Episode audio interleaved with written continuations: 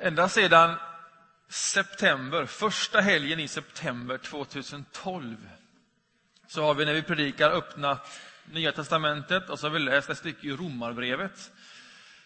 Och så har vi gjort så ända sedan dess och tills nu. Och vi har kronologiskt tagit oss igenom hela detta långa brev och så har vi predikat utifrån det. Och idag är det den sista gången som vi läser Romarbrevet på ett tag, tror jag. Så detta är the grand final. Och nu ska vi läsa ifrån Romarbrevet kapitel 15.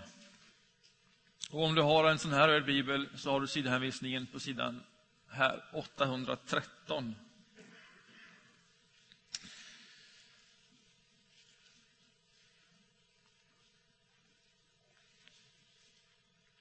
Vi som är starka är skyldiga att hjälpa de svaga med deras bördor och får inte tänka på oss själva. Vi ska var och en tänka på vår nästa, på vad som är gott och bygger upp. Kristus tänkte inte på sig själv. Nej, det står skrivet, dina smädares smädelser föll över mig. Alla profetior i skriften står där för att undervisa oss, så att vi genom vår uthållighet och den tröst skriften ger oss kan bevara vårt hopp. Måtte uthållighetens och tröstens Gud göra er eniga efter Kristi Jesu vilja, så att ni alla med en mun prisar vår Herre Jesu Kristi Gud och Fader. Godta därför varandra, så som Kristus har godtagit er till Guds ära. Jag menar, Kristus blev de omskurnas tjänare för att visa att Gud är sannfärdig och bekräfta de löften som getts åt fäderna. Och hedningarna har fått prisa Gud för hans barmhärtighet. Det står ju skrivet. Därför ska jag prisa dig bland hedningarna och ditt namn ska jag lovsjunga. Och vidare heter det, glädj er ni hedningar tillsammans med hans folk. Och en annan gång lova Herren alla hedningar, lovsjung honom alla folk.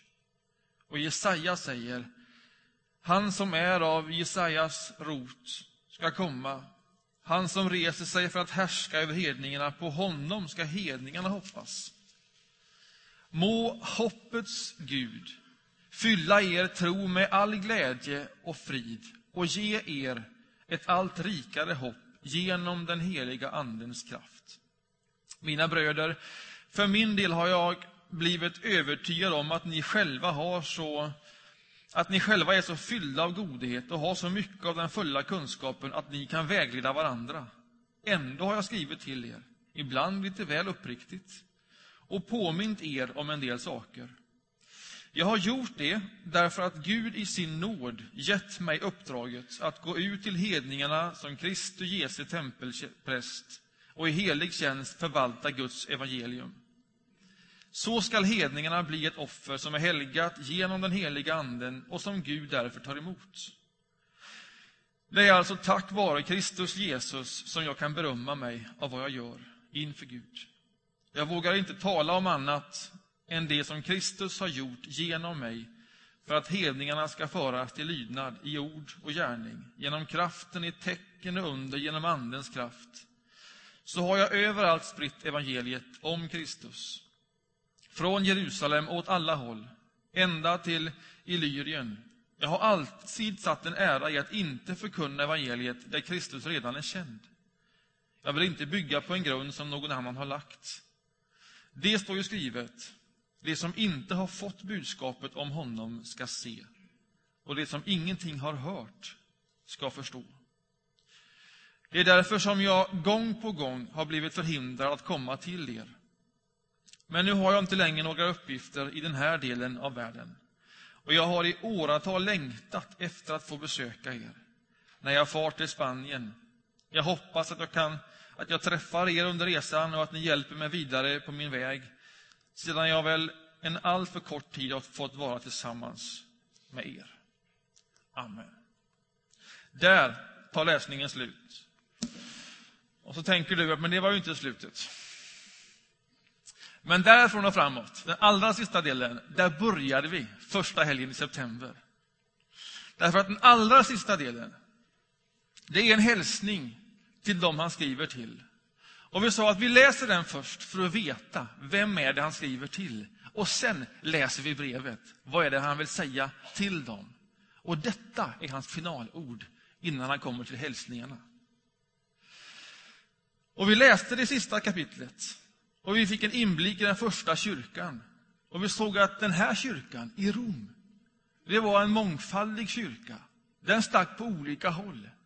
Det var väldigt olika människor som utgjorde den första kyrkan. De hade olika bakgrund, de hade olika social situation, de hade olika kulturer, de var rika och de var fattiga.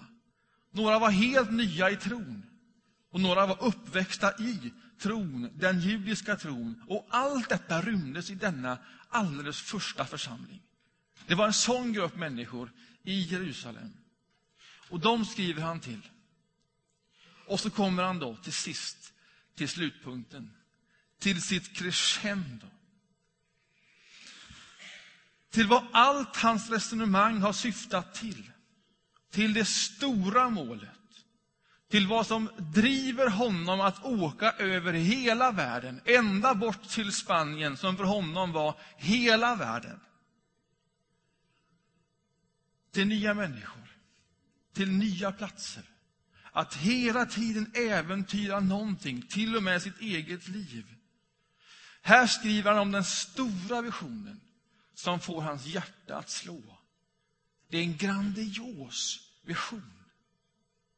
Hörde du det i det vi nyss läste? Vad är en grandios vision? Vad tänker du när du tänker på en grandios vision? Ja, men är du ingenjör så ser du förmodligen Turning Torso framför dig. Eller Ölandsbron, eller jag vet jag. Men när jag satt här och tänkte, men, men gode Gud, en grandios vision, vad är det som driver en människa så som Paulus är driven, så som han nu har skrivit? Alltså mina tankar, bara för att få en bild, en känsla, en flavor för vad en grandios vision är. Det gick till Martin Luther King. Medborgarrättskämpen. Som hade sett någonting som ännu inte var. Som fick hans hjärta att brinna. Som fick honom att hela tiden äventyra också sig själv. Se på detta bara korta, korta klippet. Alldeles dagarna innan han blev skjuten. Här kommer det, Martin Luther King. Like anybody, I would like to live a long life. Longevity has its place. But I'm not concerned about that now. I just want to do God's will. Yeah. And He's allowed me to go up to the mountain.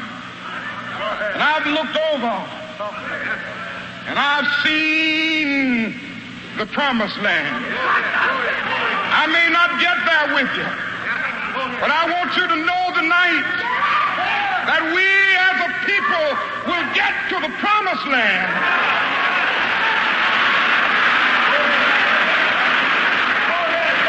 So I'm happy tonight. I'm not worried.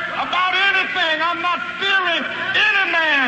Mine eyes have seen the glory of the coming of the Lord. Jag skulle önska att man hade den stämman och det tonfallet. Men det skulle krävas väldigt mycket av er också i respons. Och visst är det en annan tid, en annan situation, en annan kultur. Men när jag ser på det, och jag har det på min dator, och jag ser på det nu och då, så går jag igång. Det händer någonting i mig när jag ser det. Han vill leva som alla andra människor vill leva, så börjar han. Naturligtvis vill han det. Men han har sett någonting. Gud har tagit honom upp på bergen. Hans trons ögon har låtit honom se någonting som ännu inte är. Och det han har sett, det är att hans barn, att hans barn kan få gå på samma skola som andras barn av annan hudfärg. Och att de kan få leka på samma skolgård. Han har sett det med trons ögon. Han har varit på det berget. Gud har fört honom till den platsen. Och jag vill leva som alla andra människor vill leva, men jag kanske inte kommer hela vägen fram dit med er. Men det gör ingenting, för jag har sett det och jag vet att vi som folk kommer dit. Det är en grandios vision. Det är en grandios vision. Om man hoppar hem till vår inrikespolitik så kan man ibland, min amatöranalys, sakna en grandios vision. Här flyter kyrkan och politiken ihop. Man vet inte var det ena börjar och var det andra slutar.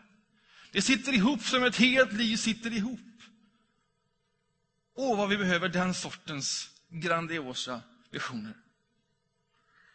I svensk politik, när jag lyssnar på den, och jag är intresserad av det och respekterar det högt, så känns det som att det är nästan bara realpolitik. Och det är väl vardagen i politiken, att hela tiden kompromissa för att nå någonstans. Det är politikens hantverk och jag har stor respekt för det. Så ser vardagen ut. Men om det bara blir realpolitik, om vi bara är i enskilda frågor, då finns risken till sist att vi inte tar oss utanför oss själva. Utan vi går in i alla frågor, hela tiden. Med frågan, vad får jag ut av detta? Vad vinner jag på detta? Och det är så man tilltalar oss väljare. Det är så vi röstar i mångt och mycket. Vad är bäst för mig? Vad tjänar jag mest på? Och så har allting till sist bara blivit realpolitik. När vi istället skulle behöva en grandios vision. Som tog oss utanför oss själva. Som stod en större verklighet, en bättre värld. Och att det var det som gjorde att vi valde vad vi valde. Och det är lätt att tala om politik. Jag skulle kunna säga samma sak om kyrkan och min värld. Jag tror vi saknar en grandios vision. Och utan det blir det lätt ospännande. Utan spänst, blodfattigt. Och risken är, om man inte har en grandios vision, att man tappar till sist riktningen. Det är mycket viktigare att veta var man är på väg än att veta exakt hur det ska gå till. Det är realpolitiken. Vad är vi på väg? Hörde ni vad Paulus skrev? Jag läser det en gång till. Vers 6, kapitel 15. Ja, kanske vers 5. Måtte uthållighetens och tröstens Gud göra er eniga efter Kristi Jesu vilja. Lyssna. Så att ni alla med en mun prisar vår Herre Jesu Kristi Gud och Fader. Att alla människor med en mun prisar Gud. Och inte vilken Gud som helst, utan Jesu Kristi Gud och Fader, den Gud som är representerad och presenterad genom Jesus Kristus. Och det är inte en version där var och en på sitt sätt individuellt prisar Gud. Ja, men det vore ju en möjlig vision att tänka sig. Men det här är en grandios vision. Alla människor. Och alla människor som en gemenskap, som ett folk, med en mun. Är du med? Detta är grandiost, att alla människor med en mun prisar Gud. Hur kan man ens tänka så stort? Men detta är vad Paulus har sett. Detta är vad Gud har tänkt. Inte mindre än så. Det Paulus har sett och det han skriver till den här lilla lokala församlingen i Rom, som skulle kunna vara Saronförsamlingen i Göteborg, det är att goda vänner, ni är ett litet lokalt uttryck för Guds världsvida syfte i och genom Jesus Kristus. Det han har åstadkommit genom död och uppståndelse, som syftar till en enhet mellan alla folk. Kan man tro så stort? Ja, men blicka ut över denna värld. Kan någon tro på enhet mellan alla folk? Det är ju en total utopi. Och så är det med en grandios vision. Så är det med en grandios vision. Jesus Kristus är Herre. Inte bara för Paulus, inte bara för dig, inte bara för mig. Jesus Kristus är Herre över hela detta universum. Han har det i sitt grepp. Har ni sett det? Har ni varit på det berget? Och det vi uttrycker lokalt, det är ett litet uttryck för detta stora, att Jesus Kristus är given all makt i himlen och på jorden. Och Det som är så intressant är att den här versionen levererar han precis efter det att han beskrivit hur olika man tror i denna lokala församling. Hur olika man är och hur man sliter med det. Hur olika övertygelserna är i frågor som rör tron, centrala frågor i tron. Och samtidigt tycks han säga till dem gång på gång och tydligt här Alltså om enheten mellan alla människor är den grandiosa visionen.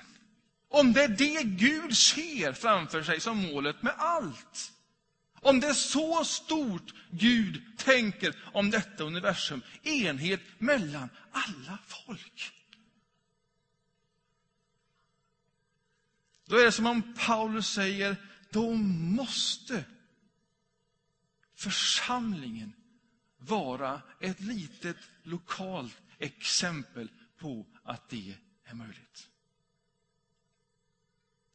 Att man i denna sorts disparata gemenskap, på tvärs över sociala, ekonomiska och kulturella gränser, trots olika övertygelser i tron, att man där prisar Gud med en mun. Hur ska det kunna ske? Ja, men vi vet ju vad vi sliter här. Bara här, denna lilla grupp. Med olika övertygelser och annat. Hur ska det kunna ske? Hur ska vi kunna vara ett sådant exempel? Ja, då hänvisar han till skrifterna. Och för honom handlar det om Gamla testamentet. Varför ska man läsa det? Vad kan vara så viktigt med det? Ja, när han läser dem så läser han de berättelserna genom det han har sett i Jesus Kristus. Och då ser han hur Guds väg hela tiden har varit tydlig. Hur det finns en väg att gå som leder just till denna grandiosa vision. Det är en möjlig väg. Och det finns ett återkommande tema. Den lidande tjänaren. Detta detta är vägen. Och så ger han exempel från Saltaren. Dina smädare smädelser full över mig. Och för Paulus så blir dessa beskrivningar, som det finns gott om, om den lidande tjänaren, bilder som handlar om Jesus. Som syftade fram till honom. Som bar vägen fram till honom. Och Det är som om det öppnar ögonen för Paulus. Det för honom upp på ett berg. Detta är vägen, kära församling, i Rom. Och när han översätter det och ger egna ord och bilder på det, då låter det så här. Jag ska ta ett annat brev, där det är ännu tydligare. Filipperbrevet kapitel 2, vers 4. Tänk inte bara på ert eget bästa, utan också på andras. Låt det sinnelag råda hos er som också fanns hos Jesus Kristus. Lyssna. Han ägde Guds gestalt han hade allt.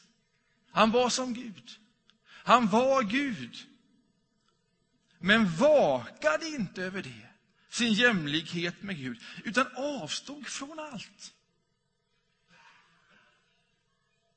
Och antog en tjänares gestalt då han blev som en av oss. Och när han till det yttre hade blivit människa gjorde han sig ödmjuk och var lydig, ända till döden, döden på ett kors. Och därför har Gud upphöjt honom över allt annat. Och gett honom det namn som står över alla andra namn, för att alla knän, alla, alla ska böjas för Jesus Kristus. För hans namn i himlen, på jorden och under jorden. Och alla tungor bekänna att Jesus Kristus är Herre, Gud, Fadern till ära. Detta ser han. Detta ser han när han läser skrifterna. Det här är ju den stora berättelsen. Och genom att leva sig in i detta så skapar det uthållighet, tröst och så att man inte ger upp hoppet. Vägen till enhet för Paulus, till en enda mun inför Gud, den går genom tron på Jesus Kristus och att vi följer hans exempel. Det finns en väg att gå, kära vänner. Vad är det för väg då? Vad är det att gå Jesu väg? Vad är den lidande tjänaren? Vad är det han har sett, Paulus, som får honom att gå igång? Jo, du som är stark i tron. Du som vet precis hur du har det. Lägg inte ytterligare bördor på den som är svag i tron. Utan bär dennes bördor. Tänk inte på ditt eget bästa, utan på din nästas bästa vad som är gott och vad som bygger upp församlingen. Kristus tänkte inte på sig själv. Alltså, vad kan få en människa att flytta sig utanför sig själv? Att öppna ögonen så stort? En grandios vision vill till för det. Godta därför varandra. Kräv inte mer av varandra, av någon, än vad man faktiskt kan bära. Åh, vad vi har svårt för det. För vi har ju våra starka övertygelser över hur saker och ting ska vara och hur det ska tros och levas. Det finns ett fantastiskt citat av P.P. Waldenström. Han var Svenska Missionskyrkans, en av dess två grundare. Och där är jag ordinerad och skolad så här är en del av mitt arv. Och det är väl okej att jag citerar honom här. Men han sa så här, slutet på 1800-talet. Alltså, om du ser en församling där troende förenas eftersom de har den eller den läran gemensamt och där man stöter ut den som inte har samma uppfattning. Men som ändå lever i Kristus och har inkluderats i hans rike. Där ser du en mänsklig sekt. Men när du ser en församling där troende är förenade, just eftersom de är troende, och det är alltså var och en, alla är välkomna som tror på Jesus och vill följa honom så långt man förstår. Där ser man Gud och Kristi kyrka. Välkomna till Missionsförbundet. Det här var kontroversiellt då. Och nu men det finns någonting tjusigt i detta som går långt bortanför alla samfundsidéer whatsoever. Därför att det här är vad Paulus säger, åtminstone vad jag hör Paulus säga. Detta hör till denna grandiosa vision. Det är så tjusigt. Alltså om du ser en församling där man möts just för att man tror och där alla, alla är välkomna som tror på Jesus och vill följa honom så långt man förstår. Där man godtar varandra på ett sånt sätt. Så långt man förstår. Då ser man Gud och Kristi kyrka. Detta är visionen. Jesus kan förena alla människor inför Gud. Och det är en enhet som inte bygger på att vi har samma övertygelser i allt som rör tron. Utan att vi följer en och samma person så långt vi förstår.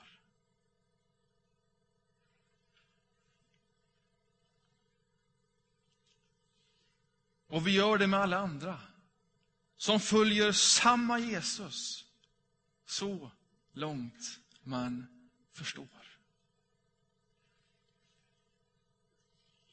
Och så kan vi prisa Gud med en enda mun. Om vi följer Jesu väg. Om vi godtar varann som Kristus har godtagit oss. Till Guds ära. Och när vi godtager varann, ja, det är då vi ärar Gud. Och genom att leva oss in i skriften så är det detta vi vägleds till. Så att vi håller ut. Att vi känner tröst. Och att vi inte ger upp hoppet. Alltså, det är ingen enkel väg att gå. Men det är vägen att gå. Och så brister han ut i bönen. Så. Må hoppets Gud fylla er tro med all glädje och frid och ge er ett rikare hopp genom den helige Anden. Det är en bön det. Och det är en bön om att de alla ska kliva in i denna stora grandiosa vision. Känna den glädjen, den tron, att det faktiskt är möjligt. Och att Anden ska föda det hoppet. Att alla människor med en mun prisar Gud.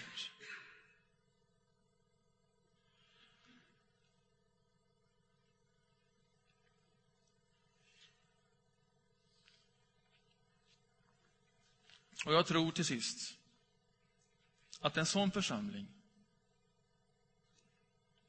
om det är möjligt, då är det goda nyheter för alla människor. Och jag tror det är möjligt. Jag tror vägen är möjlig. Jag tror att denna församling kan vara ett litet lokalt exempel på detta oerhörda. Att Jesus Kristus inte bara är min Herre, utan Herre i detta universum. Jag vägrar ge upp den övertygelsen. Därför ber jag med Paulus, för mig och för oss, att hoppets Gud fyll oss. Fyll vår tro med glädje och frid.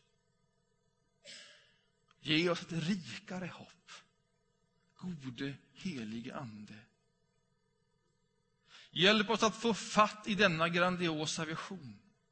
Att inte förlora oss i alla sakfrågor, i all realpolitik. Att inte tappa riktningen. Gode Gud, sätt våra hjärtan i brand. Låt oss inte tro mindre än så här. Låt oss leva för detta. Amen.